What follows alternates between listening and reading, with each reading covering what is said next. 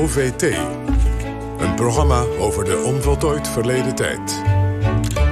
Mislukte onthoofdingen, vierendelingen en ander bloedig geweld in, de in het 17e eeuwse Europa waren gewelddadige prenten razend populair. En dan met name in Nederland, waar ze veel bekijks hadden en waar ze werden gemaakt. Maar wie waren de kopers en wie waren de makers van deze geweldsporno? En hoe passen ze in onze ogenschijnlijk tolerante republiek uit die tijd? Dat weet historicus Michel van Duinen, die op dit onderwerp promoveerde. Hij zit hier aan tafel. Welkom, Michel. Dank je. Uh, ja, eh, waar heb je precies onderzoek naar gedaan? Hoe, hoe kwam je hierop? Ja, ik, ik heb dus onderzoek gedaan naar uh, prenten en dan vooral boekillustraties uit de late 17e eeuw. Ja. Um, en ik kwam op dit onderzoek heel simpel. Ik heb gesolliciteerd op een, op een promotieplek en dat was binnen een Vlaams-Nederlands onderzoeksproject. Dat ging specifiek over de geweldsverbeelding in de lage landen in de 17e eeuw. En dat heb ik helemaal toegespitst. Dus ik, wat is nou specifiek aan die geweldsverbeelding? Dus hoe verbeelden mensen geweld? Dat gebeurt dus heel vaak in de vorm van prenten. En dan specifiek die boekillustraties uit de Republiek. Ja, daar zat echt overdreven bloedig, uh, bloedige plaatjes bij, hè? Ja, ja de, de associaties die mensen maken, en ik zelf ook wel soms uh, Tarantino. Dus je ziet letterlijk fonteinen van, van bloed uit uh, lichaamsdelen spuiten. Dus het is heel expliciet, spectaculair zou je kunnen zeggen. En dat, dat maakt ze inderdaad, dat maakt ze ook voor ons denk ik nu nog interessant als je ze ziet. Maar ze hebben, ja, de, de term natuurlijk geweldsporno is net gevallen. Ze hebben allerlei verschillende functies. Ja, maar ja, met fonteinen van bloed en zo, dan denk je daar toch aan of niet? Ja, maar aan de ene kant dus, er zit zeker vermaaksfunctie in. Dus er zijn, er zijn uitgevers die zeggen in de boeken, dit is echt uh, voor uw vermaak. Dit zijn de meest gewelddadige uh, gebeurtenissen die we bij elkaar gebracht. Maar er zijn natuurlijk ook ja, martelaarsboeken, dat zijn devotionele prenten. Je hebt uh, bijbelse geschiedenissen. Dan heb je een prent met alle doodstraffen uit het Oude Testament.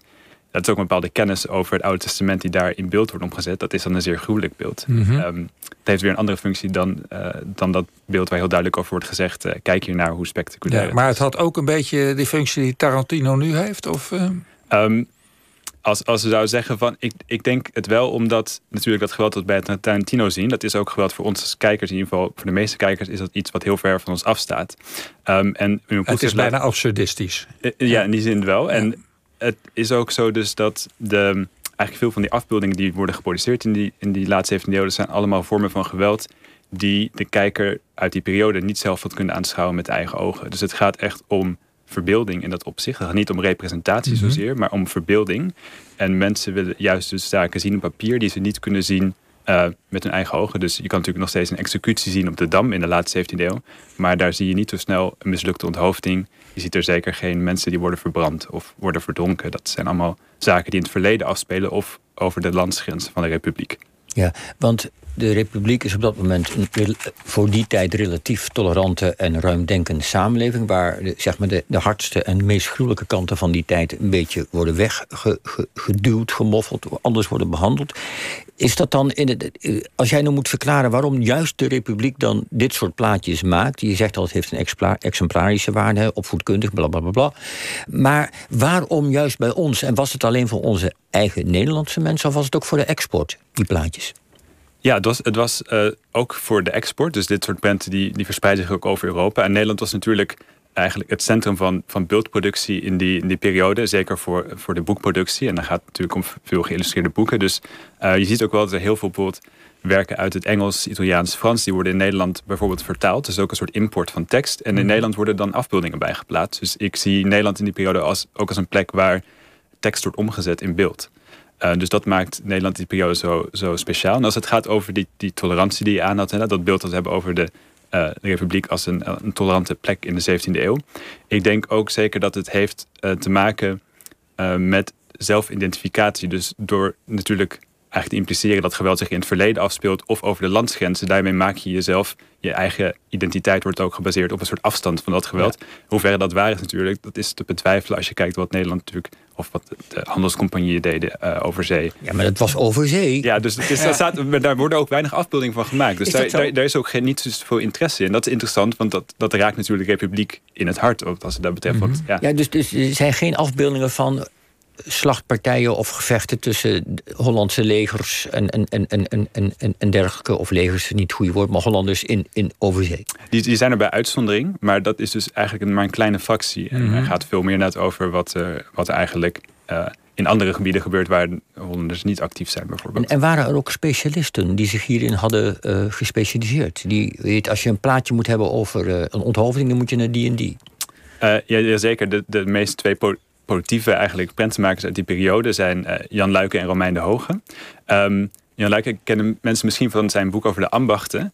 Maar hij was toch vooral uh, in mijn ogen iemand die uh, zeer gewelddadige afbeelding maakte. Dus een zeer religieuze, pacifistische man. Maar ook echt een ambachtsman die duizenden prenten heeft geproduceerd. En een heel groot deel daarvan inderdaad uh, gaat over expliciet geweld. Dus hij heeft een martelarenboek geïllustreerd. Maar ook juist die boeken die daarnet worden gevat onder geweldsporno. Dus het, de vermaaksfunctie. Die maakte, dat soort boeken illustreerde hij ook. Um, en ja, zijn specialisatie was, dat zou ik kunnen zeggen, die mislukte onthoofding. Dus dat is een soort niche in die beeldcultuur die alleen terugkomt. Hij was erachter gekomen, dat kan ik goed tekenen. De bloedfontein die er dan tevoorschijn ja. komt. Maar dus, heb jij, heb, uh, sorry, maar heb jij dan ook bijvoorbeeld uh, in je onderzoek geturfd in de zin van dat je, laten we zeggen, een top 3 hebt gemaakt van uh, het, het, beste genre wat het meest verkocht? Was dat onthoofding of was het ophanging of was het marteling? heb je daar een beeld van of niet? Nee, het is dus geen kwantitatief onderzoek, dus ik heb inderdaad geen, geen cijfers daarover. Um, je kan dus wel op sommige ja, voorbeelden kan je natuurlijk wel bepaalde ja, kan je speculeren. Dus je ziet bijvoorbeeld dat uh, die prenten die uh, Jan Luiken maakt voor het doopsgezinde martelaarsboek Het Bloedig Toneel. Nou, dat is een dik martelaarsboek, staan 150 prenten in, of 104 prenten van, uh, van martelaren die worden geëxecuteerd. Um, die worden op een gegeven moment worden die als prentenboek uitgegeven. Twintig jaar nadat het boek is uitgegeven. Dus alle tekst wordt eruit gegooid. Mm. En alleen nog maar de afbeeldingen. Een soort stripverhaal.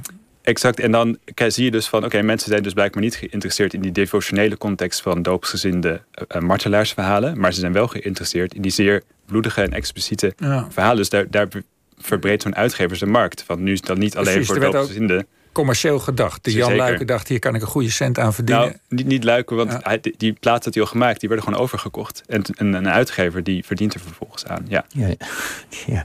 En als je nu nadenkt over die 17e eeuw, toch nog maar eventjes. Je zegt, Nederland heeft, eh, heeft, eh, heeft uh, het, beeld van zichzelf, dit hebben we achter ons gelaten.